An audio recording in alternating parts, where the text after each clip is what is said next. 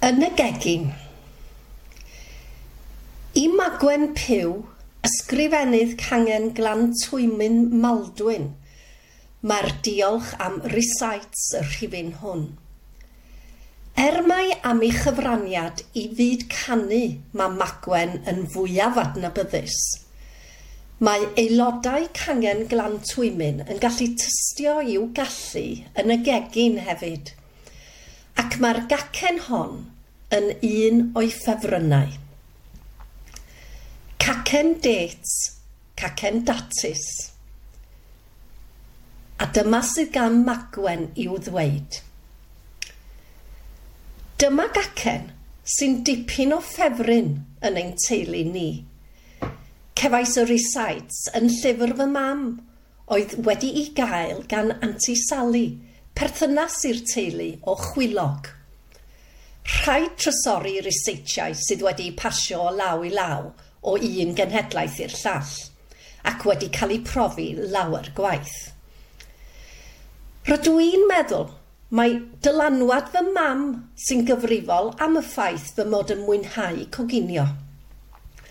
Roedd hi'n arfer gweithio i deulu careg ger Aberdaron, yng nghegin y fferm Yn ogystal ac yn y caffi oedd ganddyn nhw ar draeth Porth Oer.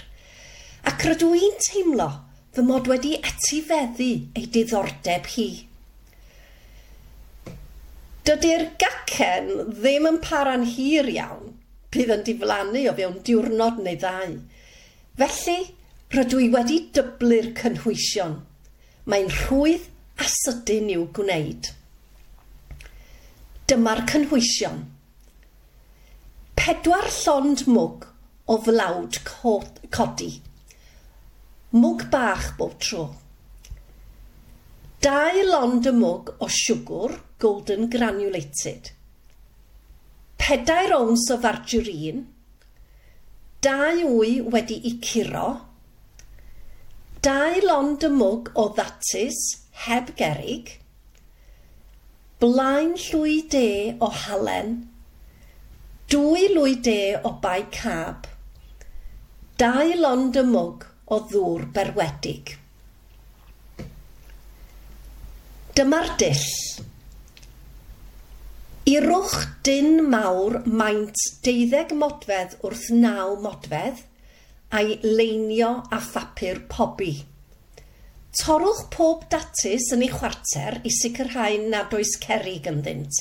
Rhowch mewn bwlen gyda'r halen a'r bai cab a'r dŵr berwedig i fwydo. Yn y cyfamser, mewn powlen fawr, rhwbiwch y margerin i'r blawd ac ychwanegwch y siwgr ar wyau. Tywalltwch y dŵr a'r datus i'r gymysgedd a'i cymysgu'n dda.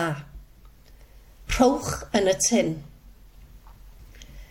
Craswch mewn popty 180 gradd centigrade neu fan 160 gradd centigrade neu nwy rhif pedwar ar y shelf ganol am tua awr nes bod sgiwer yn dod allan yn lân. Gadewch i oeri yn y tin. Torwch yn ddarnau sgwar a theini a menyn Cymreig hallt. Mwynhewch efo'ch paned. Mae Magwen a'i gŵr Emyr yn byw yn rhyd yr aderyn cemais. A lled cae i ffwrdd yn llety eos, mae cartref ei mab llion, ei wraig manon, a'r plant cara a math. Fel Magwen, Mae Manon a Cara wrth ei boddau'n coginio a gwneud cacennau yn arbennig. Mae mam Manon wedi derbyn hyfforddiant coginio ac wedi dilyn gyrfa yn y maes. Ac mae Manon yn ddiolchgar iawn iddi am rannu ei gwybodaeth a'i phrofiad. A'i dysgu hi pan oedd hi'n ferch fach. Ar ôl priodi a chael plant, Datblygodd diddordeb Manon mewn gwneud cacennau a byddai'n cael pleser o fod yn greadigol wrth ddylunio a chreu cacennau unigryw. Dechreuodd ei busnes, cegin eos. Fel hobi yn fwy na dim, gan wneud cupcakes a chacennau ar gyfer achlwysuron arbennig a the prynhawn i'w ffrindiau a'i chydnabod.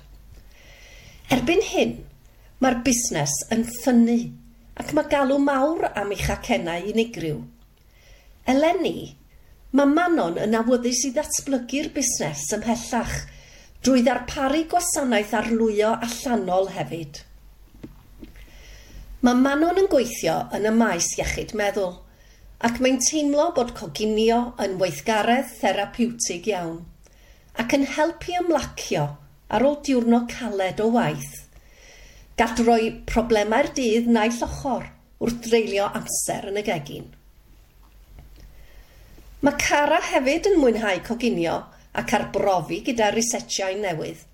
Ac yn ôl pob sôn, mae'n dipyn o giamstar ar wneud crwst. Yn ddeg oed, mae'n gystadleuaeth brwd yng nghystadleuaeth cogydd yr urdd.